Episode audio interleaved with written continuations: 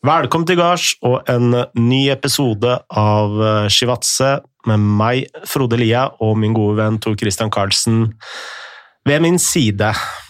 Hallo, Tor Hallo, god dag, god dag. Alt vel? Har du gjort noe spennende siden sist? Uh, ja, har jo det. Uh, uh, var med på quizen din Det gjorde du, på mandag. og for første gang så vant du også. Ja, jeg var på vinnende laget. Mhm. Spilte en birolle, riktignok, men uh, i konkurranse med 15 lag, var det det? Ja, det stemmer det. Så, så vant vi. Du gjorde det veldig sterkt på de italienske spørsmålene, la jeg Ja. merke til. Ja, det er vel min I den grad jeg har noe ekspertise, så er det vel italiensk fotball fra 90- og 2000-tallet, kanskje. Ja, altså Jeg hadde jo et spørsmål om eh, hvilke tre italienske klubber Bruno Fernandes eh, hadde vært i, og du Eller jeg veit ikke om det var du eller noen andre på laget ditt eh, naila alle tre. Ja, det var meg.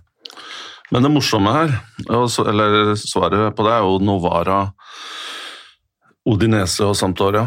Mm. Og det laget som vi retta for, som satt ved siden av oss, de hadde én klubb, det var Novara. Yes. Så det var veldig random da, at de tok Ja, for Novara var den første klubben Bruno Ja. Fernandes eh, til. Er det noe link eh, mellom Eller en sånn spesiell link mellom portugisiske spillere og italienske klubber? Nei, jeg tror egentlig at det handler om at han eh, spilt, kom gjennom en ganske liten klubb, tror jeg, i Mm. Portugal. I hvert fall eh, og prøvde seg på noe, på noe nytt. Da. Mm. Og kom gjennom italienske systemet, og, det har jo gjort han klar for engelsk fotball. Mm. Det er litt annet eh, klima i Italia enn det er i Portugal, tror jeg. Og fysiske elementer og sånne ting. som Og det taktiske som etter hvert også har kommet inn i Premier League. Ja. Så hvis du klarer deg i Italia, så klarer du deg nok eh, i Premier League òg. Og forskjellen mellom Italia og Premier League, det er vel egentlig bare tempo. Ja. Ja. Og taktisk, som sagt. da. Kamper, eh, Italienske lag er kanskje flinkere til å Eller ønsker å Altså, de fremstår kanskje klarere enn enn engelske lag, som gjerne er liksom veldig mye overganger og tut og kjør, da, på Mm. grunn av tempo. Men uh, positiv debut òg, da, fra Bruno Fernandes, syns jeg. Ja, absolutt. Han ble kasta rett inn i det og syns han uh, fremsto ganske bra. Det var vel medspillerne som eventuelt uh, gjorde han dårlig. Altså, det var en situasjon hvor uh, Lindegard eh, ikke løp, løp i rom, men eh, okkuperte rommet til eh, David James, tror jeg. Eh, Daniel også, James. Daniel James, og måtte peke på til til ja. hvor han skulle løpe, da. Eh, så jeg tenkte dette er jo to fotballkulturer som eh, Som krasjer. krasjer litt. Men når vi snakker om eh, Sampdoria, de har jo kjøpt en eh, nordmann fra Stabekk, Askildsen. Mm. Det virker som eh, særlig Sampdoria har begynt å få litt sånne øyne over for skandinavisk fotball.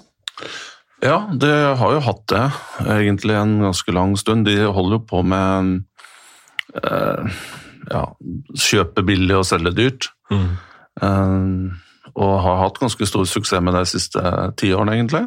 Mange gode spillere som har kommet gjennom, gjennom den klubben. Mm.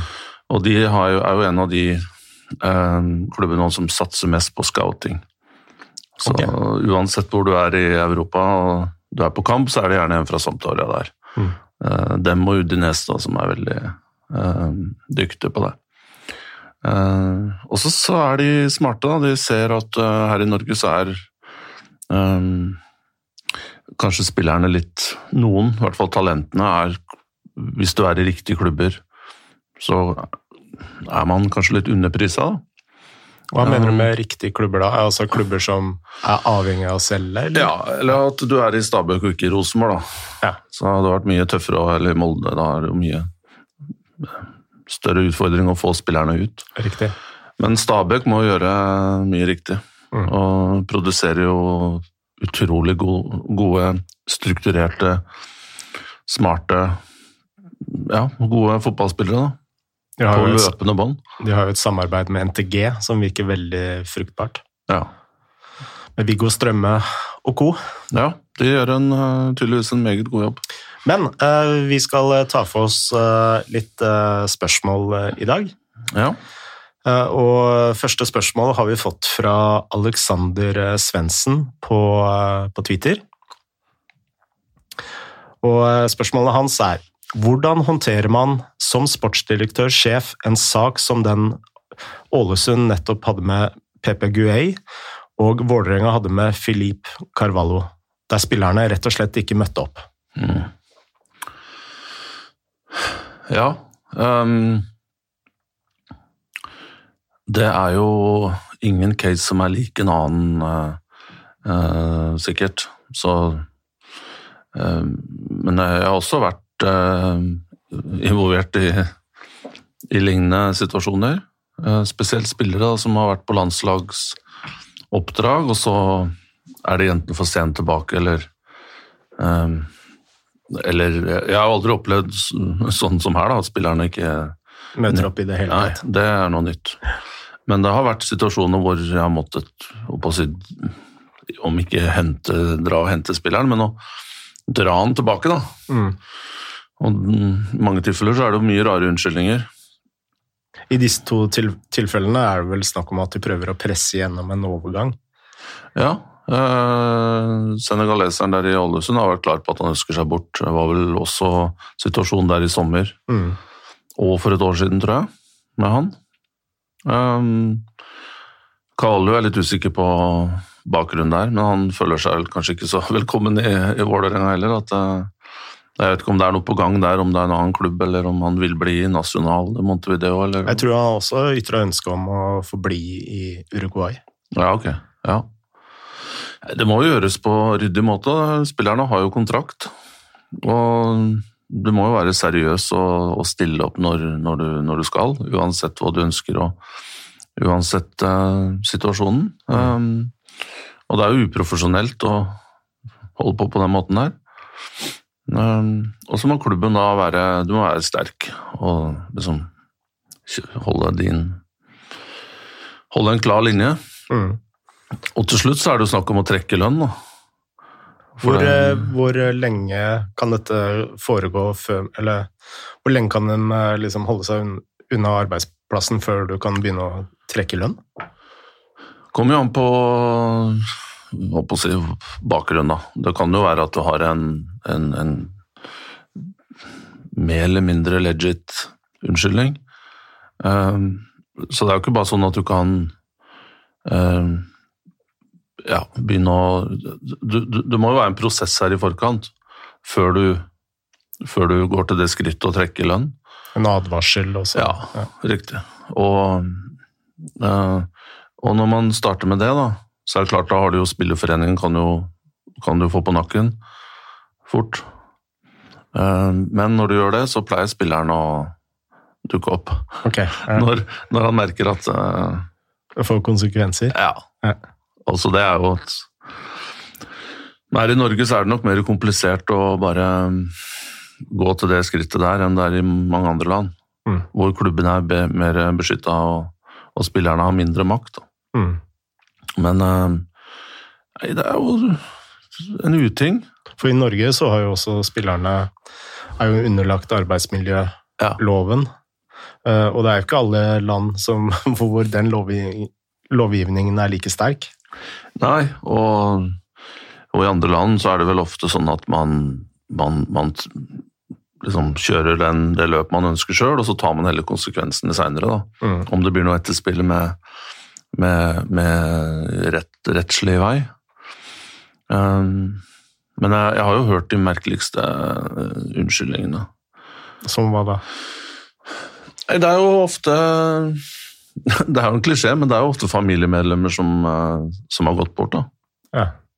Eh, var det Steven Island, han Manchester City-spilleren Var det ikke han som eh, mista eh, Var det ikke noe med bestemødrene der, og at han hadde eh, Fant på en eller annen eh, unnskyldning da, for at han ikke skulle på landslagsoppdrag tror jeg, med Irland. Ok. Ja. Og da var det noe med bestemødre, men det hadde gått så i surr for han at eh, han hadde vel tre bestemødre okay. Plutselig. Det var noe sånt. Ja.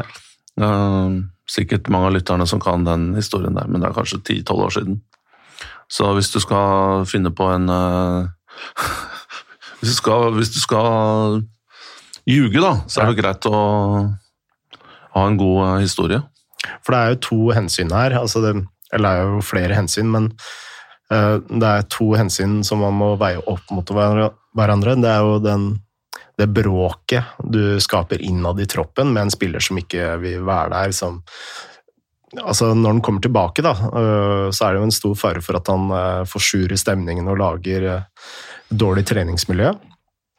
Og så har du det at du, hvis du som klubb er ettergiven, så ser jo andre også sitt snitt hvis de har en, har en klubb på gang da, som ikke er villig til å gi like mye som som eh, vedkommende klubb eh, ønsker å ha for spilleren.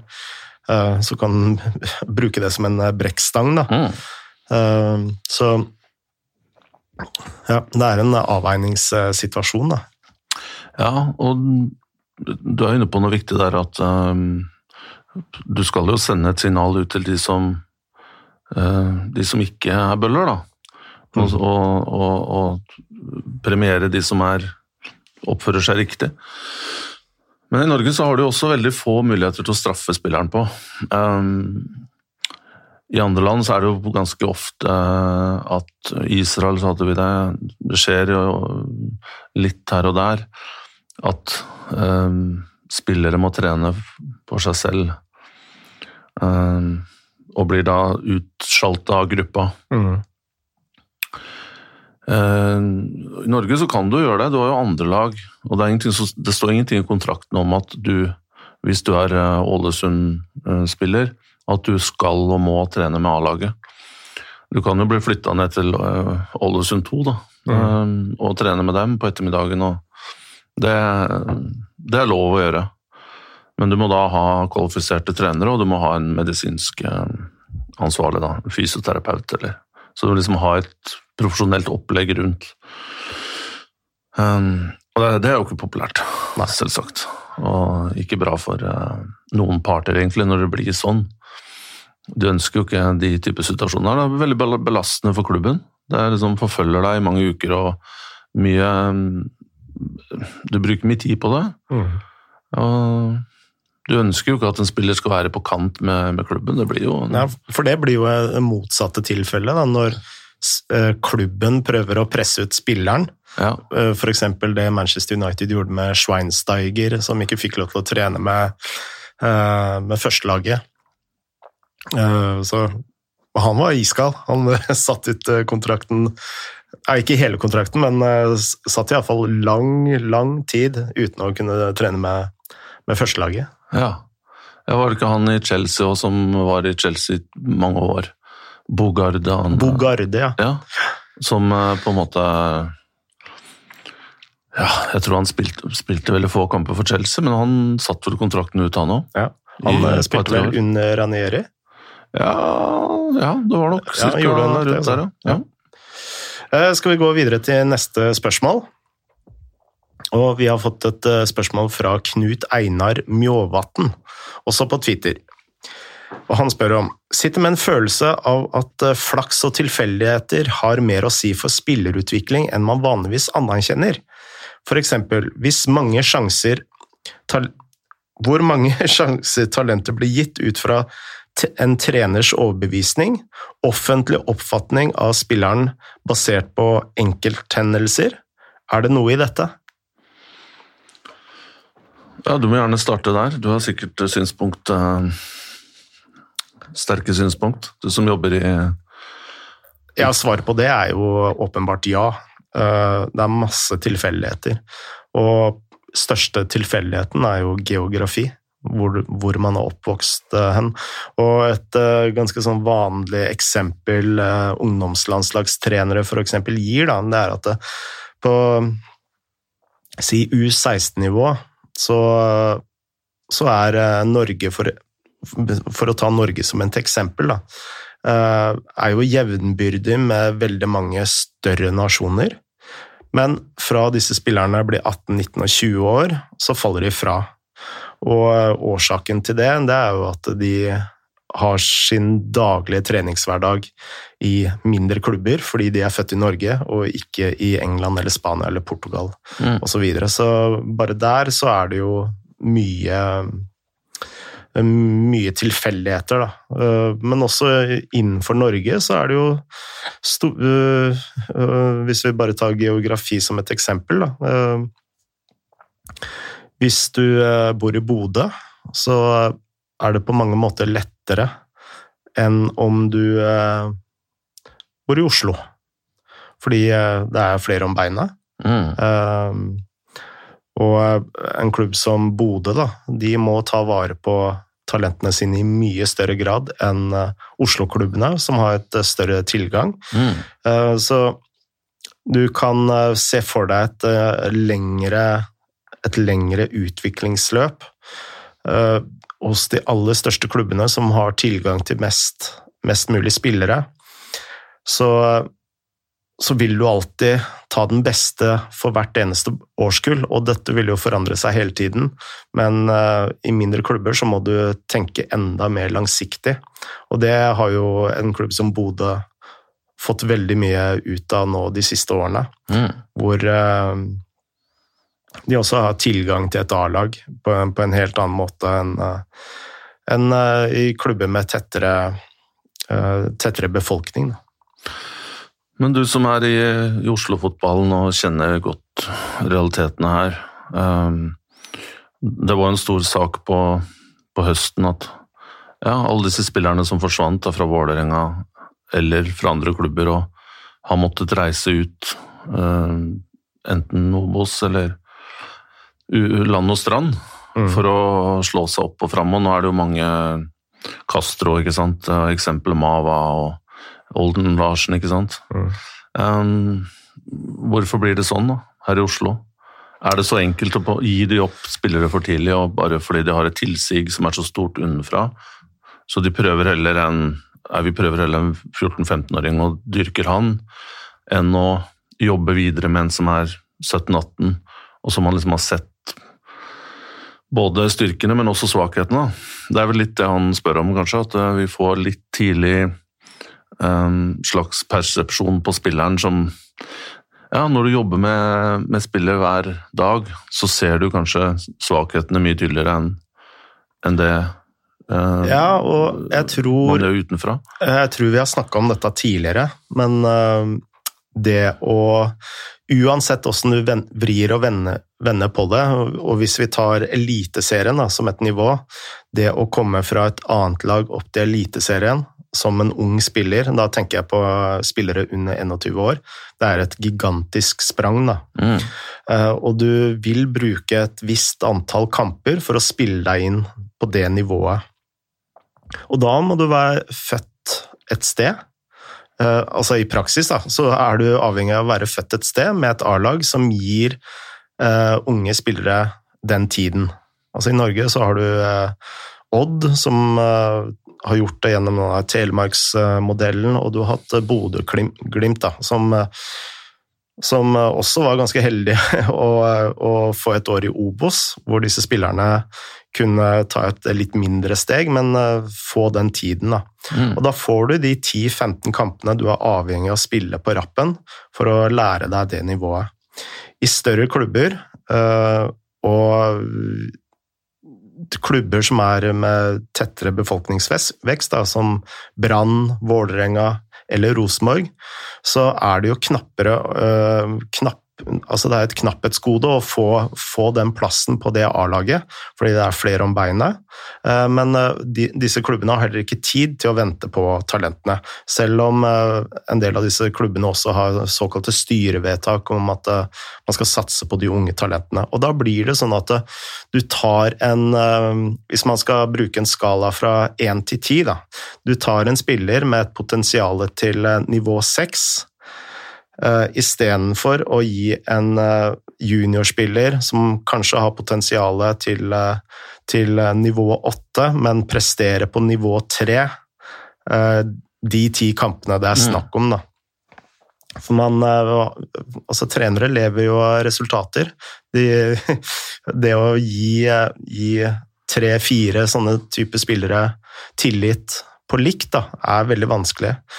Uh, så det tror jeg er liksom der nøkkelen er. da. Du må tørre å ha en Og når vi har diskutert uh, treneransettelsen i Vålerenga, så har jeg også tenkt at du må da ha en trener som tør å gi disse spillerne de visst antall kampene for at du skal kunne ta det nivået. I Vålerenga så gjorde jo Martin Andresen det. Han stilte jo med fem-seks uh, spillere fra, fra, ungdomsavdelingen gang på gang på gang på gang. Og det tok jo to år før uh, de, uh, de, kom på andreplass i serien. Og gjorde det kjempebra. Og veldig mange av de spillerne gikk jo ut for gode summer Eh, så eh, det tror jeg er den viktigste delen med talentutvikling. Altså rett og slett en A-lagstrener som tør å mm. gjøre det. Jeg kjenner ikke mm, så inngående til hvordan du jobber i Trondheim, men det virker som at de har fått en ganske fin modell der, med Rosenborg som ubestridt nummer én, da, klubben. Så har du Ranheim, som kan tilby et godt nivå. Mm. Og så har du Stjørdals Blink, da, som rykka opp nå fra andre til uh, Obos. Mm. Og da har du jo plutselig to klubber på et ganske bra nivå som Ja, det er interessant for unge RBK-ere å kanskje få, få testa seg. De har jo jobba veldig tett, forstår jeg, og at det er godt samarbeidsklima mellom Rosenborg og de mindre klubbene der. Mm. Og så har du også Byåsen i tredjedel, uh, som Ja. Det virker jo som en at da har du et fint system. Sånn at eh, Og det spiller vel samme system, tror jeg, som, som Rosenborg. Det er veldig inspirert av Eggen og, ja. og Trondheim eh, burde jo hete Trondheim 433. Ja. Men eh, man har jo mye av det i Oslo også. Postnummer 433 Trondheim. Ja, ikke sant. Men man har jo mye av det i Oslo. Du ser jo veldig mange spillere som har gått gjennom akademi til Vålerenga nå i KFM, Grorud, Stabekk og Lillestrøm, for den saks skyld. Og det var vel det var jo det som var litt kritikken fra disse spillerne mot Vålerenga. At de, de, tenker at vi burde jo fått den sjansen i Vålerenga. Vi burde ikke gå til Koffa og så ende opp i i, eh, i Strømsgodset, eller altså Vi er jo Oslo-gutter. Ja. Eh, ja. Jeg tenker samtidig her da, på det spørsmålet, så er jeg jo litt enig i at det er nok ofte sånn, jeg var litt inne på det tidligere, at vi kan se oss litt blinde på spillere som er i vår egen ungdomsavdeling, og at gresset er grønnere på, på andre siden. Mm. Uh, men jeg har også en liten følelse at i Norge at uh, disse gutt, unge gutta, som er kanskje sånn 18-19, de er ikke så veldig glad å flytte på seg lenger føler jeg, da. Um, og det kan jo gjerne være det som skal til. Um, litt komme deg vekk fra foreldre, nærmiljø, mm. um, få andre impulser. Og, og, og, komme til trenere som ser deg med andre øyne. Mm.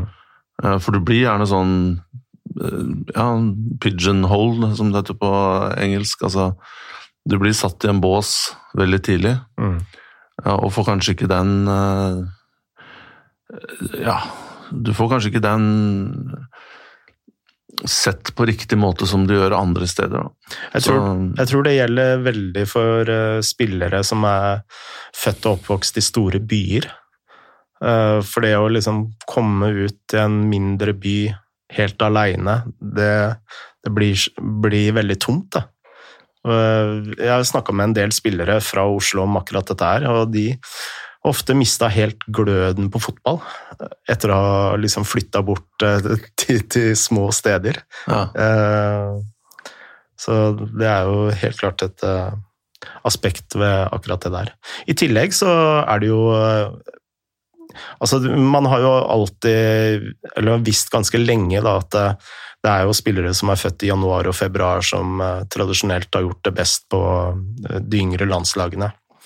Så der har du også en sånn slags sånn tilfeldighet uh, variabel, og, og, selv om man er mye mer klar over den problematikken nå, så er det jo også så er det jo fortsatt gjeldende at de spillerne som er fysisk mest rusta for A-lagsfotball, er jo de du også først ja uh, tar med deg. Ja, Og, absolutt. og det er kanskje noe av det jeg syns har vært mest imponerende med de lagene i Europa som har uh, vært veldig gode på spillerutvikling, sånn som Ajax og Barcelona. Det, er, det å kunne liksom spotte talent, da. Uh, og putte de fysiske forutsetningene til side. Um, og det er en uh, veldig Altså, det er jo en kunst. Altså, det var en Jeg husker ikke hvem som sa det til, til meg, men han er noen som jobber i fotballen, iallfall. Um, og han sa veit du hva en managers aller viktigste oppgave er? Det er å gjenkjenne en god spiller fra en dårlig en. og, og jeg Ja, selvsagt, uh, tenkte jeg, og, men jo mer jeg har tenkt på det, så er det noe uh, veldig riktig og viktig i akkurat det der. Fordi det å kunne Jeg er ikke noe flink på det, og det innrømmer jeg glatt. Uh, at det å kunne se talent når en spiller er 16, 17, 18, 19 år, det er utrolig vanskelig. Eller i hvert fall jeg finner det ja. veldig vanskelig. Eh, og altså, jeg har jo sett eh, Sander Berge med Vålerenga 2 og tenkt at uh, Simen Samstø Møller, det, det er spilleren som egentlig er den gode. Jeg sliter når vi kommer ned sånn uh, 13-14-15. Jeg har jo vært på mange av disse sudamericano-mesterskapene med U17 og eh, U20. Mm. Søramerikanske eh, VM-kvalik. Og da har du jo der, der- ser du ganske fort eh, hvilke spillere som er på en måte lengst framme. Så jeg syns 17, da er det Da, da, da syns jeg det er liksom, Da har du et klart bilde. Mm. Men yngre enn det, det mener jeg er jo spesialistjobb. Og en som scouter eh, A-lagsspillere og på en måte voksenspillere, og andre som scouter barn, da, og Mhm. ten, veldig tidlig tenåring, det er spesialistjobb. Jeg har aldri gjort det, jeg, jeg sliter med å, med å vite hva jeg skal se etter på de veldig unge. Men, men kan jeg spørre om, du har jo jobba som scout i veldig mange år. Hvor systematisk går man igjennom liksom, en spillers eh, kvaliteter? Har du på en måte et sånt skjema du, eh, med faste punkter man går igjennom, eller? Jeg hadde, hadde det. Um, jeg hadde det. Jeg har utvikla flere sånne skjemaer. Um, fra det mest basice, som vi utvikla sånn 20 år siden, ehm, til nå er det jo mer avansert med hvor du baker inn eh, stats og tall og eh, ja, har den delen av, analytics i tillegg. Men i utgangspunktet så har jeg brukt Jeg brukte lenge en sånn type rapport-skit, hvor da ferdighetene ble, ble røyta. Ut fra en skala fra Jeg brukte en sånn Den jeg liker best, egentlig, én til seks, hvor én er best. Okay, ja. Og, og med desimal, da. 1,5, 2,0, 2,5. Mm. Uh, og så er det veldig vanskelig å lage en uh, resultat, altså en score, da.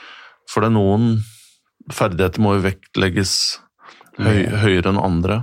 Og det er litt sånn vanskelig å uh, definere. Men uh, jeg har brukt det, og jeg syns det er en fin måte å uh, rapportere på, du får, og du får et veldig klart bilde av spilleren. Jeg har også sett scout som bare skriver en, en halv side Mm. med ord.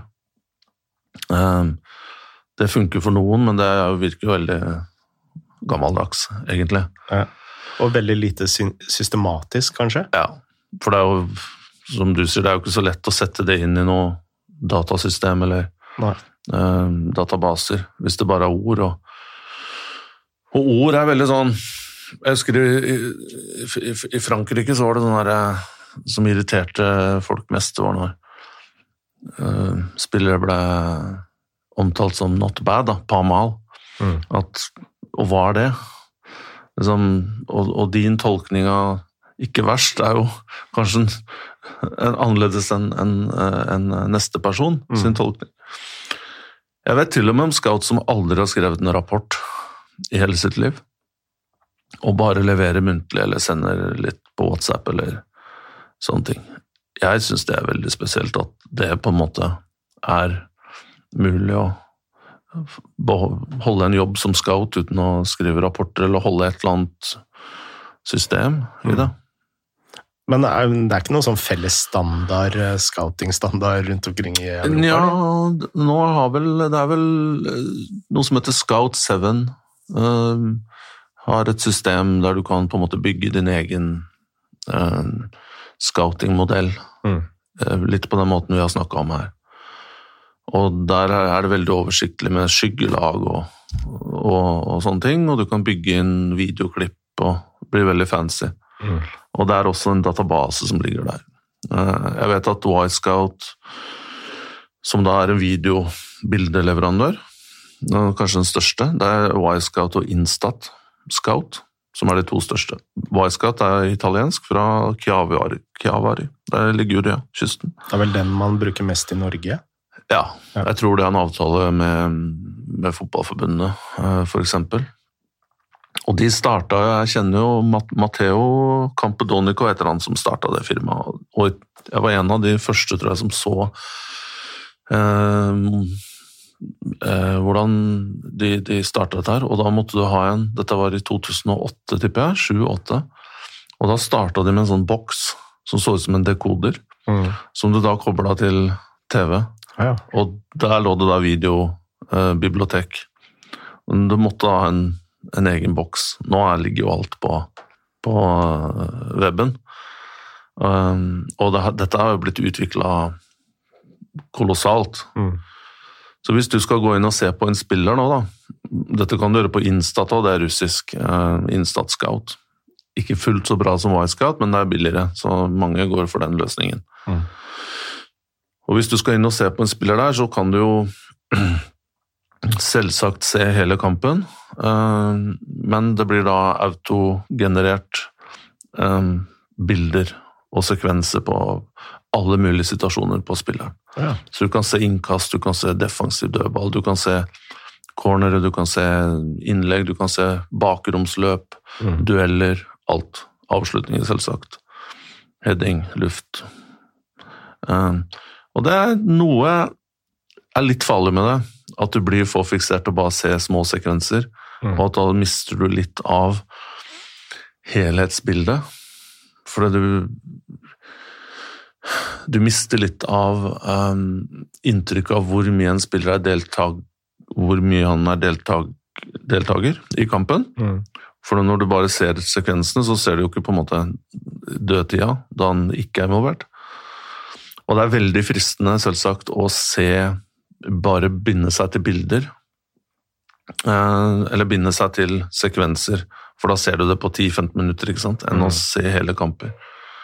Så det er jo foretrukket å reise Det er egentlig et substitutt. Ja, men det er klart du sparer jo veldig mye penger. Da. Du sparer jo enormt med reising. Ja. Um, eh, men du, du Men jeg er enig, det er et supplement, uh, mener jeg. Ja. For du må likevel reise, og du får en helt annen feeling på spilleren. Når du ser, ser han i kamp, og du ser han i trening. Og, Du plukker opp alle de der små tingene som kroppsholdning og ja. og der har du jo til og med Jeg husker jo, jeg, jeg bodde jo ofte på hotell med disse søramerikanske lagene. Blant annet så bodde jeg på hotellet der med eh, Dette var 92 Var det 92-årgangen, da? Med Neymar eh, og Lucas Mora og hvem andre var det som spilte på det laget der? Spilte, dette var i 2011 i Peru. Og Da bodde jeg på hotell med brasilianerne, det laget. da. Og da så du Det var jo veldig fascinerende, så du hvem som var alfamailen i gruppa, og hvem som eh, var i buffeen først. og ikke sant? Mm. Du, du plukker jo opp veldig mange ting om spillerne, på måten de, de opptrer sånn sosialt med hverandre. Og det er jo informasjon du I hvert fall når du scouter på et veldig høyt nivå. Da er du nede i de, de type detaljene som faktisk er veldig viktige. Var ikke du en av de jeg vil ikke si eller, Var ikke du ganske tidlig ute med å scoute i Brasil? Når du jobba i Tyskland? Jo. Um, det var jo Bayer Leverkosen. De, de hadde jo skal sies at de hadde jo en årrekke tråla i, i Brasil. Ja. Og funnet veldig gode spillere, eh, og solgt videre. Um, og min rolle der var vel å utgangspunktet liksom flagge opp spillere, da. Og sjalte ut um, Filtrere informasjon, og så sende det videre til sjefsspeider. Um, og, og, gjennom det systemet der så kom det gode, gode resultater. Mm. Og da fikk sjefspeideren og sportsdirektøren de fikk da liksom konsentrere seg om de De beste. Ja. Ja. For det, vi må også huske på her at dette var i 2000. Eh, fram til 2004 var jeg vel i den klubben der. og Jeg har snakka om det her tidligere òg. Internett var jo noe helt annet. Ja. Og dette var før Instat og Wisecout. Og da er vi tilbake med VHS-videoen og Så jeg organiserte jo da i alle søramerikanske land at, at vi fikk aviser sendt. En sånn svær uh, pappeske fra Paraguay og Bolivia, Argentina Brasil. Vi fikk Lance og Plakar og ABC Sport fra Paraguay og Olé og, Mm. og det tråla da jeg og sjefsspeideren og liksom dro ut de informasjonene som var nyttige. Og så fikk vi også pappesker med videoer. da. Mm. Eh, Det høres jo veldig gammeldags ut i dag, Eh, men på det tidspunktet, 20 år siden, så var det cutting edge. Mm. Og det kom vi, Forskjellen eh, Fortrinnet vi hadde, var at vi var kjapt ute. Mm. Så vi oppdaga spillerne og så dem før andre. Og vi, vi var ikke bundet altså til informasjon og flagge, opp, flagge spillere, så var ikke vi eh, Vi baserte ikke det på agenter. Ja, man brukte jo Det er jo kjent at eh, en stor søramerikansk agent eh, var og opp sin, si, når, når man skulle hente spillere, så var han involvert da, og hjalp klubben Mm. i, i Brasil. Men ikke på flaggoppspillerne, det gjorde vi selv. Og Ja. det var også ganske nytt. For det, jeg vil si 99% av klubber eh, i Europa på det tidspunktet var, var avhengig av agenter. Mm. Og da um, Med de begrensede ressursene og, og muligheten du hadde til å sjekke ut spillere, uh, da uh, begrensa du deg også til veldig lite pool av spillere, ikke sant? som Mm. akkurat den agenten representerte. Du fikk ikke med deg det andre som konkurrerende agenter uh, hadde, eller Så der eh, eh, Vi liksom prøvde å åpne alt med Åpne hele kartet, da, og se nøytralt på, på, på spillemarkedet. og hadde jo noen fantastiske klubber i Leverkosen på den, eh, på den tida. Fra Brasil. Ja, Lucio, var Lucio, ikke det? ja. Han kom jo der. Fantastiske stopper. og C. Roberto, Se Roberto. Som var kjent, og hadde en spiss som het Franza. Jeg vet ikke om jeg husker han. Han husker jeg ikke. Nei, Spiss kom etter hvert, ble ikke noen sånn stor suksess, men god spiller. Jeg hadde Diego Placente fra River Plate. Fikk jo en god karriere i Europa. Eh, og, og for så vidt Dimitar Berbatov ble funnet på den måten der. Vi var kjappest ute med å se han i CSKA Sofia. Han var 18 år, 17-18. Jøss. Og da dro jo bare han sjefsspeideren så, Mm. og hent han. Og de var så tight, sjefsspeideren, sportsdirektøren og han som var eh, administrerende direktør, Reine Kalmont, de var så tight Mm. at når Norbert, da, eh, Ziegler, sjefsspeideren, sa 'hent han', så var Kalmont på neste fly. Ja. Og stolte blindt på han. Jeg blir, jeg blir nesten Nå, nå merka jeg håra reiste seg på, på underarmene mine. Uh, ja, men det er fantastisk organisasjon. hva tenkte du når du oppdaga Berbatov, eh, på en måte? Eller når du flagga han? Ja, vi hørte jo om eh, Altså, vi, vi ja, hørte jo fra liksom, gode ting gjennom nettverkene og, og Bulgaria var det ikke så veldig mange som brydde seg så mye om. Nei. Eh, Selv om de har jo avla fram mange gode spillere tidligere, men han Norbert, da, som reiste og så, han sa jo, han så jo liksom at han her blir kommer til å bli verdensstjerne. Mm. Og så sleit han da første første halvannet året. Han hadde jo absolutt alt. Uh, han, og han var mye mer bevegelig enn det han var på slutten, i, sånn som i Manchester United og Monaco. Husker fra Tottenham-tida. da. Ja. Han var jo veldig, og, og i Leverkosen, veldig bevegelig. Nesten litt sånn andrespiss. Han skulle ut til kantene, og han skulle søkte én mot én-situasjoner hele tida. Veldig god til å utfordre. Ja, fa- ja, mobil. Ja. Og den første berøringa og, og spilleforståelsen. Men han sleit jo med å omsette sjanser, Mm. og det gikk jo veldig inn på han. Spesielt første året. og Han følte et enormt ansvar da, Mm. for å eh, rettferdiggjøre den tilliten han fikk av treneren og klubben. Og, og det var en som spurte om dette her på Twitter eh, nylig, faktisk. og Det er helt riktig at han kom da til klubbledelsen og på en måte ja, beklaga seg, da. For han ikke satte flere sjanser. For han kom jo alltid til tre-fire store sjanser i hver kamp, spesielt én mot én mot keeper. Mm. Eh, For det igjen, han var jo hurtig òg. Han kunne jo gå i bakrom i Mm. tillegg. Um, Så han følte veldig på det presset. Jeg husker han kosta jeg tror det var to millioner eh, Deutsche Mark. Kostet han, Det var vel cirka litt i underkant av ti millioner norske kroner på det tidspunktet. Men eh, de hadde jo klokketroa på han, for det var så mye talent der Mm. at uh, det får bare ta den tiden det skal ta. For han der kommer til å bli helt fantastisk. Der er vi kanskje inne på Inne på uh, kjernen i spørsmålet igjen, da. Uh, flaks. Mm. Så, eller At du kommer til riktig klubben. at du kommer til riktig klubb som gir deg de kampene og den tilliten. Mm. Og spesielt for unge talenter. Altså Det største eksempelet jeg veit om flaks, det er jo egentlig Lionel Messi. Han eh, dro jo på to ukers eh, prøvespill som tolvåring til eh, Barcelona. Men det var jo bare én som kunne ta den avgjørelsen om å, å hente hele familien til Messi eller ikke, og det var jo sportsdirektøren Tixi Bergestan. Han hadde vært ute på reise, og i løpet av de to ukene så hadde han jo ikke sett Messi. Han skulle spille én kamp til.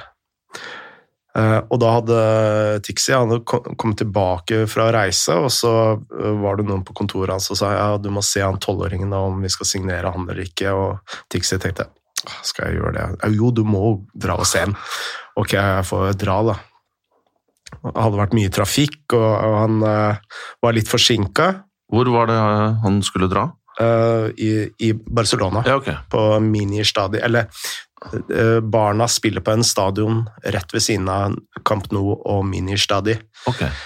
Eh, jeg har vært der, og det er vel bare tre sånne kunstgressbaner som eh, ligger lina opp eh, ved siden av hverandre. Tixi kommer opp. Det er, vel igjen ti minutter igjen av kampen. Eh, og han første han ser, det er Lionel Messi på et driblereid, sånn à la Maradona, fra egen keeper, og, og skårer, da. Messi gjorde som Messi alltid gjør. Og da tenkte Tixi ja, han, han signerer vi. Ja. Ja.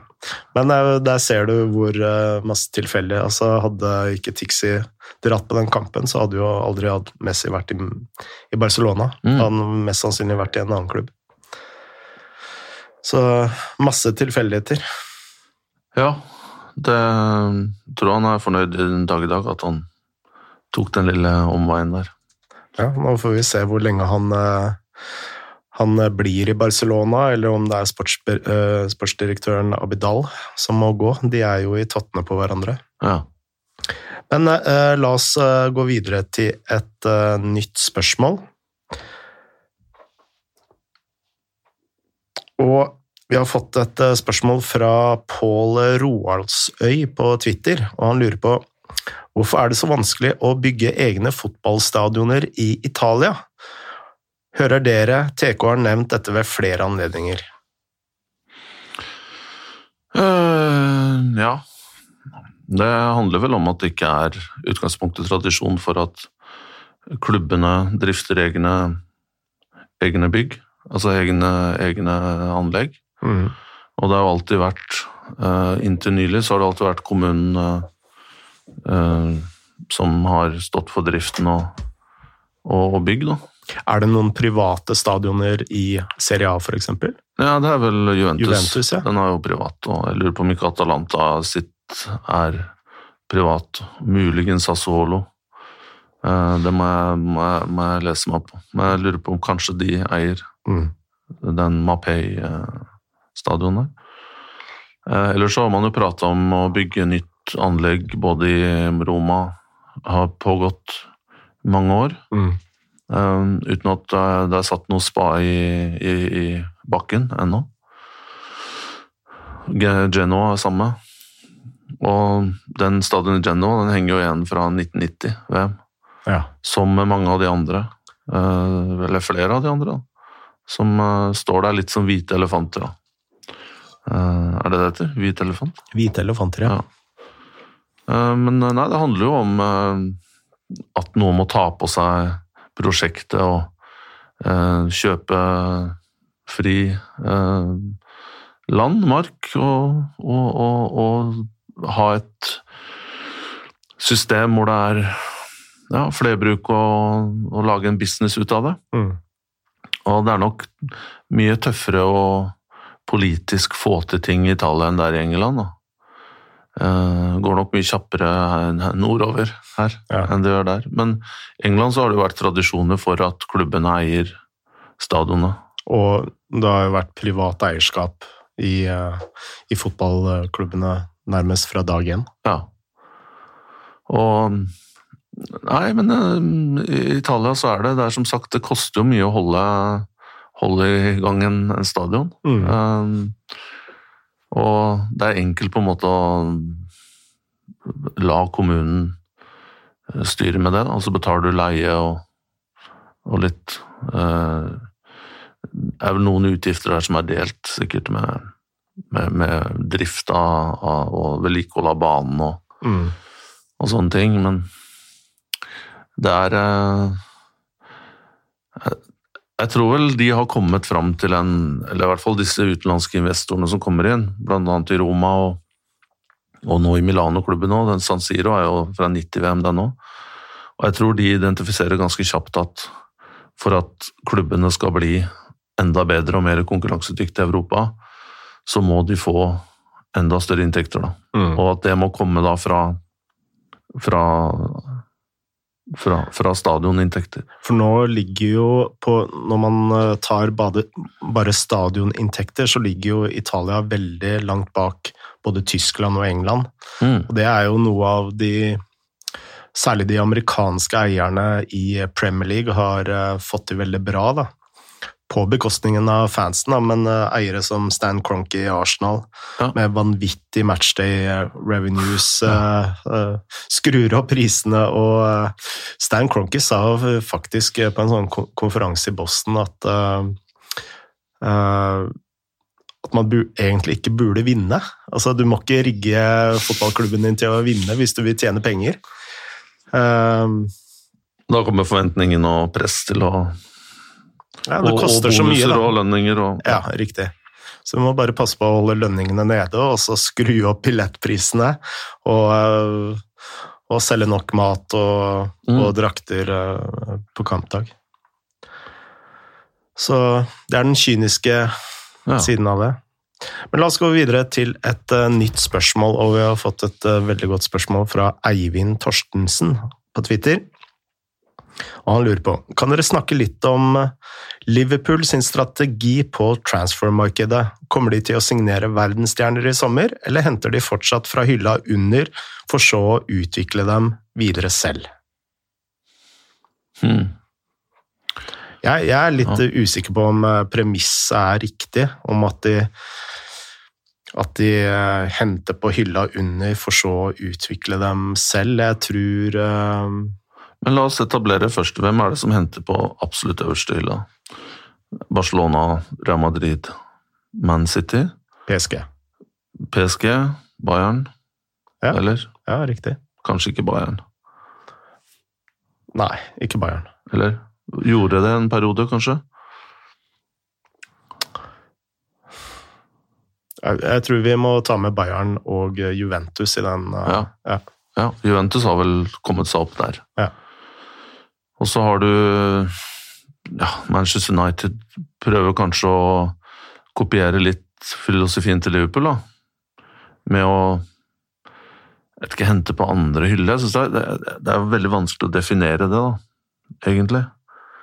Eh, hva er den største signeringa, på en måte mest profilerte Liverpool har Det er vel van Dijk. van Dijk. Men han har jo blitt, som, som eh, Eivind sier, han har jo blitt Ok, han var veldig, veldig bra i Southampton og Celtic, eh, og alle så jo at han var absolutt en av, liksom, potensielt en av de beste stopperne i verden. Ja. Men det er jo Liverpool der han har fått den siste, Pushen, ja. selv om de betalte milliard, eller hva det var. Mm. Um, Men det er kanskje eh, lettere å ta det steget når du spiller med veldig gode spillere? Ja, absolutt. Og jeg mener jo litt kanskje mm, Dette her står kanskje Vi har pratet om det før, Frode, litt på ut, privat nå, men øh, jeg mener jo at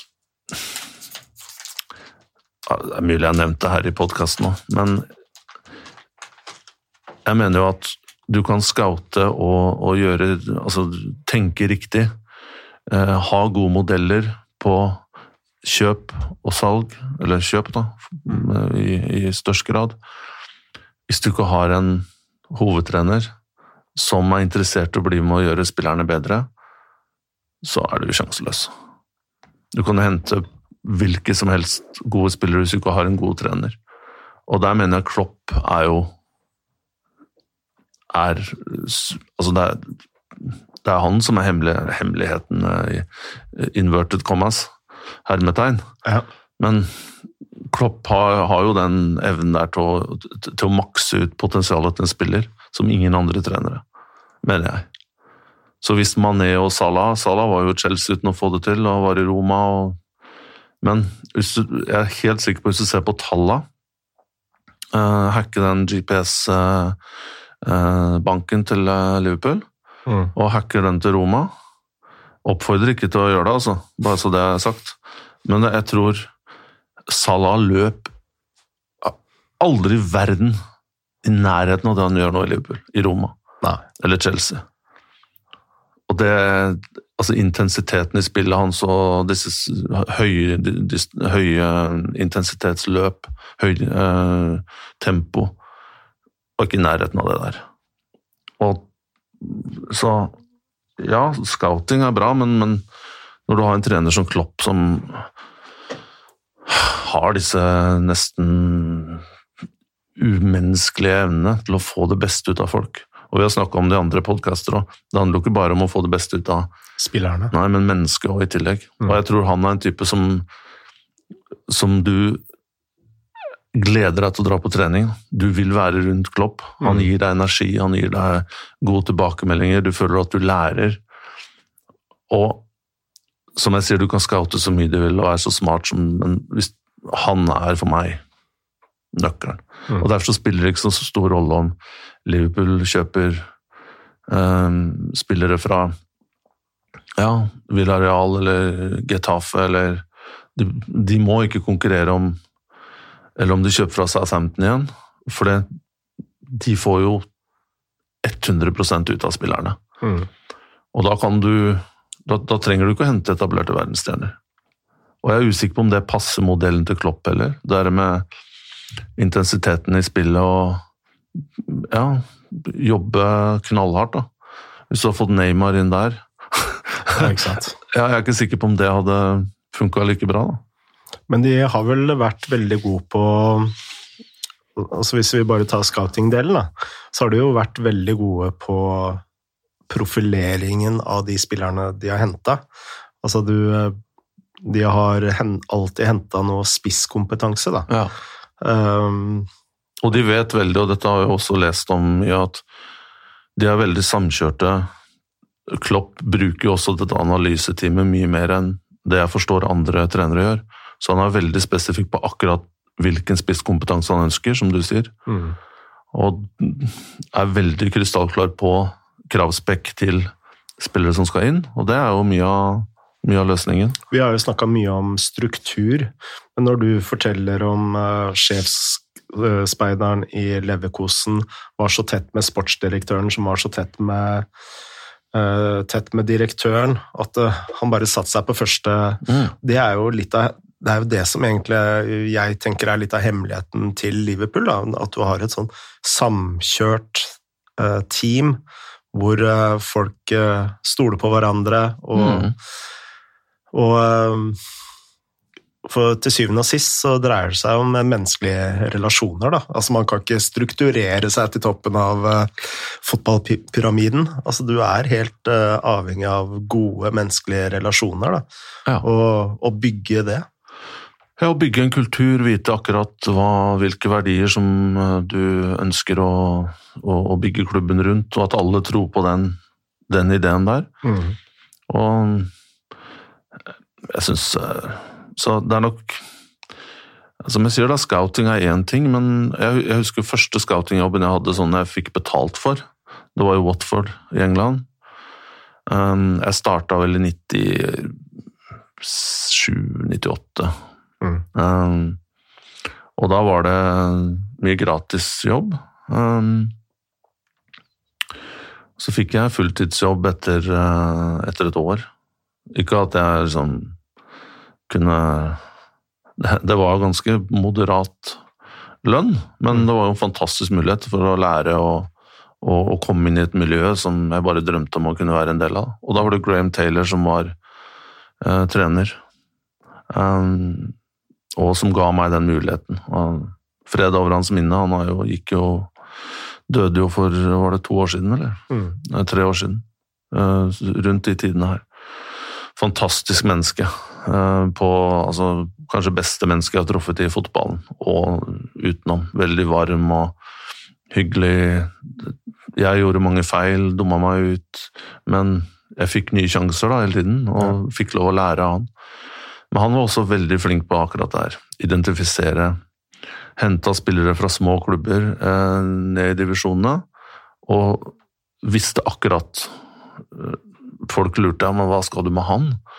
Som han er vel ikke Men fikk Graham jobba litt med han, i, med denne spilleren, i noen måneder, så så man at det blei bra. Ja.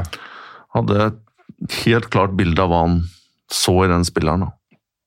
Hva var det Graham Taylor så i deg, tror du? Det Ja, herregud, hva så han i meg? Ja. Nei, det, ja, det, det personlige er jo en ting. Skulle jeg likt å visst òg.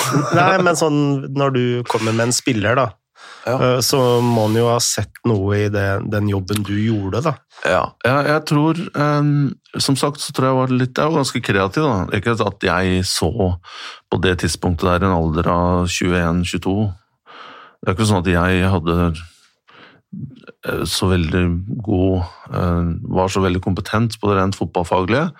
Men jeg var ganske kreativ, da, så jeg fant nye måter å skaffe informasjon og um, kunne litt språk og sånne ting. Så jeg mm. klarte å um, ja, hjelpe dem med, med, å åpne nye marked og uh, holde i mye av kontakten mot mot eh, folk som bidro med informasjon og kontakt mot agenter og kontakt mot klubber i utlandet, spesielt Frankrike og Italia og Tyskland. Mm. Eh, så det var jo på en måte min uh, eh, UPS, da. Mm. Uh, jeg husker Jeg husker jo vi var um, Jeg vet ikke hvilken bursdag det var, men om det her var i 1999 eller 98 noe rundt der. Da var Graham Taylor og jeg sammen i Columbus i USA. Og på bursdagen så satt vi og spiste burger sammen på en sånn der eh, hotellrestaurant eh, utenfor byen ved flyplassen i Columbus. Og da var vi og så på en spiller eh, som het Stern John fra Trinidad, som jeg hadde fått innspill på før faktisk han gikk til Columbus Crew. Mm. Og Da spilte han i en klubb i A-league som het New Orleans Riverboat Gamblers. det var mouth to mouthful. Ja. Um, så da var vi på han allerede da han spilte i New Orleans. Han fikk um, move til MLS, og over den kampen så dro Luther Blissett som assistenttrener hadde allerede vært der og gått god for spilleren. Jeg hadde vært der og sett en kamp, og så kom Graham. Og da skårte jo Stern John to, to mål i den kampen og var outstanding. Og så hadde jeg, jeg hadde truffet Stern John dagen før, eh, eller to-tre dager før han kom ut til hotellet. og Så sa jeg til han at uh, sjefen kommer nå, og um, har lyst til å treffe deg etter, etter kampen. På lørdag, eller når det var. Og ja, ja, ja, han skulle komme og alt mulig. Ja. Um, og vi Graham og jeg var på kampen tilbake til hotellet, og så satt jeg og venta på Stern John. ikke sant? Og han dukka aldri opp. Og ringte meg noen timer etterpå. Så Graham han gikk jo bare og la seg og, og, og dro med fly morgenen etterpå. Um, og vi begynte å jobbe da med å uh, få tak i den spilleren her.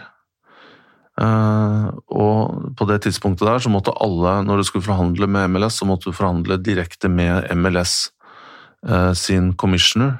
Mm. Så du forhandla ikke med klubbene, du forhandla med ligaen. Da. Men luring ved navn David Platt hadde jo vært rundt i miljøet. Han kjente jo Graham Taylor veldig godt fra Aston Villa-dagene, før han gikk til og landslaget. Mm. Og prøvde seg litt som trener i Nottingham Forest på det tidspunktet. Og han hadde vært hos Graham og plukka opp det navnet her, Stern John. Mm. Og han kom jo også i forkjøpet, da. Nei. Og bøy Forest bøy jo da mer enn en Watford. Og Stern John endte opp i Nottingham Forest.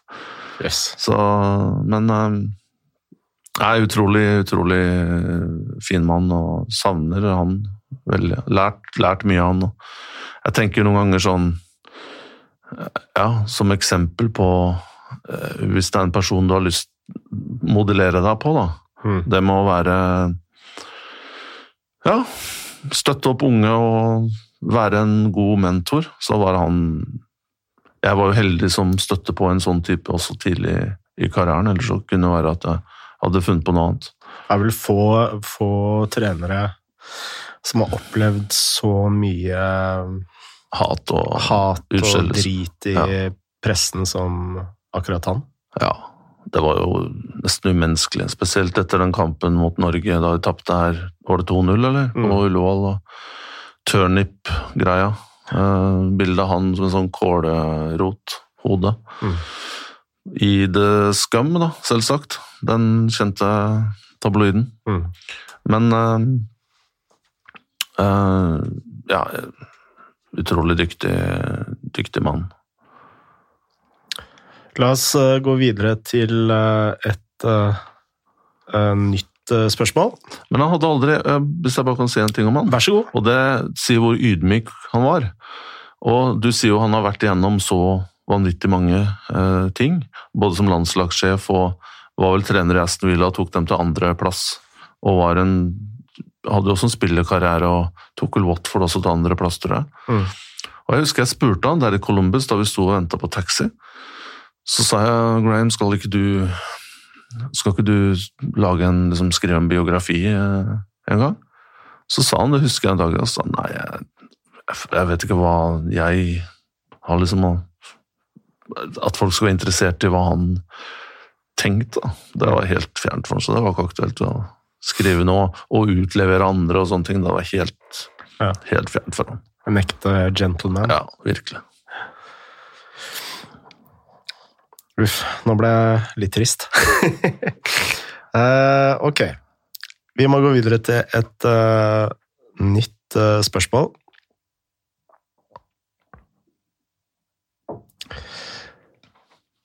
Og her har vi også et Vi skal ikke spørre om hvorfor du ligner på Hellstrøm i stemmen. Håkan Hellstrøm, eller? nei, jeg tror jeg er kokken. Ja, uff da. Eh, Men vi har et spørsmål fra Sondreil, også på Twitter. Hva tenker eh, dere om at eh, eksperter, og da i gåseøyne, og andre supportere sier at det er altfor lite åpenhet blant norske klubber, og at det gjør Eliteserien grå og kjedelig? Men er det, er det, er man så dårlige Altså, er, er, det ikke åpent i norsk fotball? Hva, hva tror du hva er det Sondre her tenker på konkret, tror du? Og hva mener du? Altså, det er jo to spørsmål, egentlig to spørsmål her, da. Det er uh, ett om åpenhet og ett om profiler. Og om det når det kommer til profiler, så er jo det alltid en diskusjon om at det er for få profiler i norsk fotball, og da tenker jeg jo ikke bare i, altså i administrasjon til klubber og, og, og trenere, men eh, vi, vi, har jo vært litt bortskjemt i Norge da, med veldig eh, fremoverlente trenere som Nils Arne Eggen, Brede mm. Skistad i sin tid, Drillo vil jeg også Fagermo er jo også Så det er jo litt mange trenere av typen La oss ta én kamp av gangen. Ja, jeg, jeg, jeg, vet ikke. Jeg syns egentlig Jeg er usikker på hvor i hvilken grad en trener skal ta så absolutt mye plass. Altså, klart, Hvis du har det i deg og er karismatisk og ønsker å liksom fronte den siden av deg selv, ja, velkommen, men jeg syns ikke vi skal tvinge disse som kanskje er mer innadvendte, men som er gode fagfolk og har autoritet på en litt annen måte. Jeg syns ikke vi liksom skal forvente og, og, kreve eh, så mye av dem, da. Nei.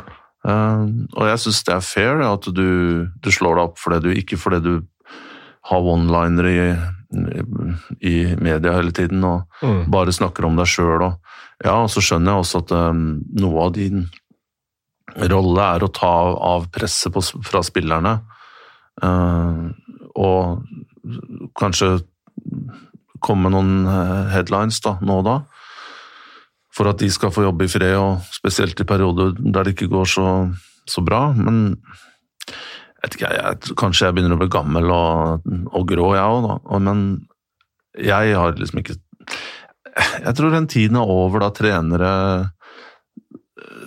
liksom, hele tida skal snakke så mye om seg selv og Jeg vet ikke, jeg, jeg, men ok, så er jeg sær og rar og kanskje litt annerledes, da, men jeg, jeg er ikke det som uh, klikker liksom, på de sakene der liksom, Jeg er interessert i fotballen, da, i, i, fag og produkt. Og, liksom. Men jeg syns jo klubbene er åpne. Uh, jeg har ikke inntrykk av at Nei, altså, Problemet det er jo at en fotballklubb i dag er jo ikke et, eh, bare et idrettslag.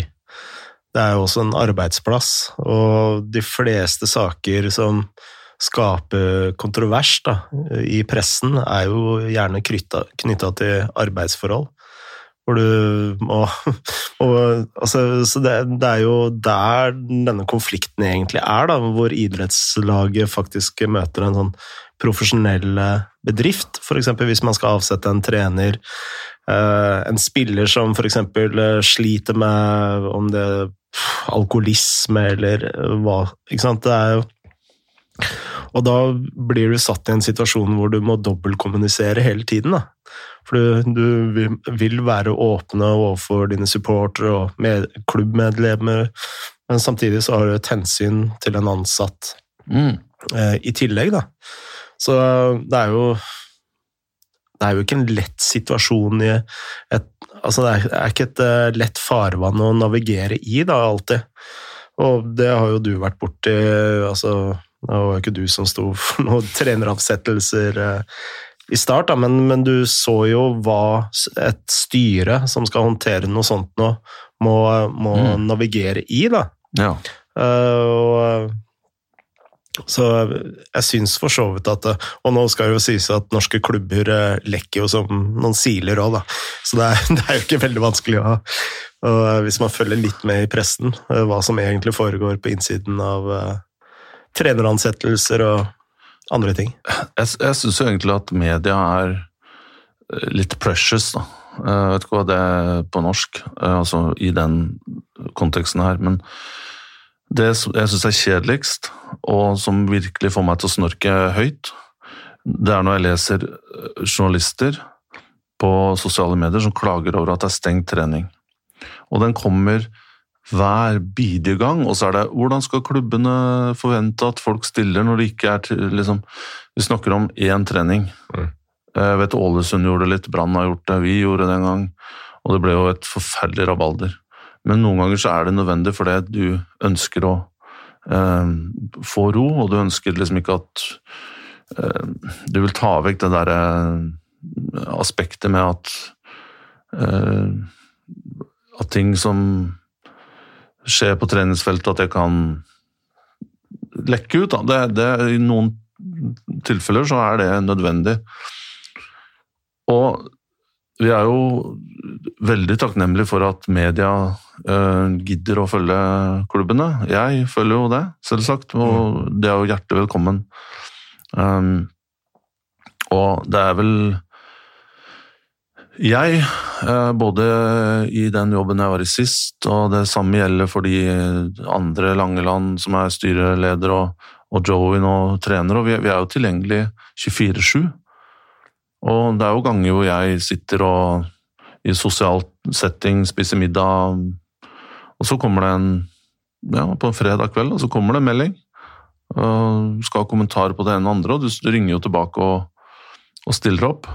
Mm. Og det er vel ikke noe annet land, tror jeg, hvor, hvor også journalister kan ringe spillerne direkte og uh, i, i, etter sitt eget ønske. Så vi Jeg føler jo at vi, vi stiller opp og uh, er tilgjengelige, da. Mm. Uh, men og så er det noen ganger hvor situasjonen mest gunstig er å få ro, og du ikke ønsker andre personer til stede på trening. Og da kan man ikke ta det så personlig, altså. Og det gjør veldig mange journalister i Norge. Og da er det så ironiske, sånn sarkastiske meldinger på Twitter. og Jeg husker da vi stengte treningen, og det, det var legit. Um, og, og, da var det liksom Ja, nå har Start blitt Real Madrid, og hvem tror de det er? og Det handler ikke om hvem vi tror vi er, det handler om å gjøre de grepene som vi føler er riktige Mm. der og da. Og det er jo også profesjonelt. Uh, men da, liksom, da blir det tatt så personlig, da. For det er én-to trening at media der, og så er det liksom Da støter vi vekk media, og vi setter ikke pris på Ja, men herregud, er ikke, det er jo så barnslig, mener jeg. Og, og vi, i Norge så er det kjempeåpent. Det er kameraer i garderober og eh, spillere som får uttale seg fritt. Kompisen din her, Kastrati, har jeg sett har vært og meldt eh, i, i, hytt og pinne på, på Eurosport, og man har spilleråd og liksom det er, Jeg, jeg, syns at det, Nå spør ikke Sondre deg om det, da, men når det kommer til uh, Fotballforbundet, da, da mener jeg det stiller seg uh, uh, annerledes. For der har, øh, har det vært mer prega Altså vært mer lukka enn det som sunt har vært, da. Særlig når det har kommet til store Da tenker jeg ikke på disse reiseregningene og vinregningene og de tingene der. Uh, altså, de er jo viktige, de. Altså, det var Idrettsforbundet, var det ikke det? ja, det var også et par saker om Fotballforbundet Mm. og noe vinregninger og, og greier. Kanskje fått kommet meg inn der på et eller annet vis? Ja. Ja, men eh, jeg tenker mer på sånne politiske avgjørelser som eh, man tar på vegne av eh, hele Hva er det uttrykket man bruker i Fotballforbundet? Fotballfamilien, da. Så der mener jeg det bør stille høyere krav til åpenhet enn for en klubb da, som skal kanskje beskytte sine Kall det gjerne forretningsinteresser ved å stenge en trening eller to. Da. Mhm. Eh, så det er Nå var jo ikke spørsmålet om det, men Nei. det var litt sånn jeg ser, Ja. ser på det, iallfall. Du kjenner det mye bedre enn meg. Og det skal jo også sies at eh, de fleste klubbene i både Eliteserien og Obos er jo nå egne AS-er. Så det som skjer i klubbene, altså i selve medlemsklubbene, mener jeg også eh, krever større grad av åpenhet enn det man gjør i et AS, for eksempel. Altså, Mm. man er i en konkurransesetting, man har ansatte altså man, Det er flere flere ekstra gyre i ligningen for Ja. at uh, dette skal gå opp. Er vi litt eh, ferdig snakka i dag, eller, eh, Tor Christian? Ja, det er du som styrer uh, showet her. Vi skal jo møtes neste uke òg. Neste uke skal vi i hvert fall ha med oss en gjest. Ja. det blir litt deilig å sitte og høre på òg. Ja, nå har du Du har vel gjort mest høring her i lytting i dag, så. Blir, stemmen blir sliten, skjønner du. Men da sier vi det, og som vi alltid sier her i Shivats, Tor Christian, så um, på gjensyn. På gjenhør. Og tusen takk til alle som lytter på, og kom fortsatt med spørsmål på, på Twitter eller andre kommunikasjonsformer. Vi setter veldig pris på det. Ha det godt!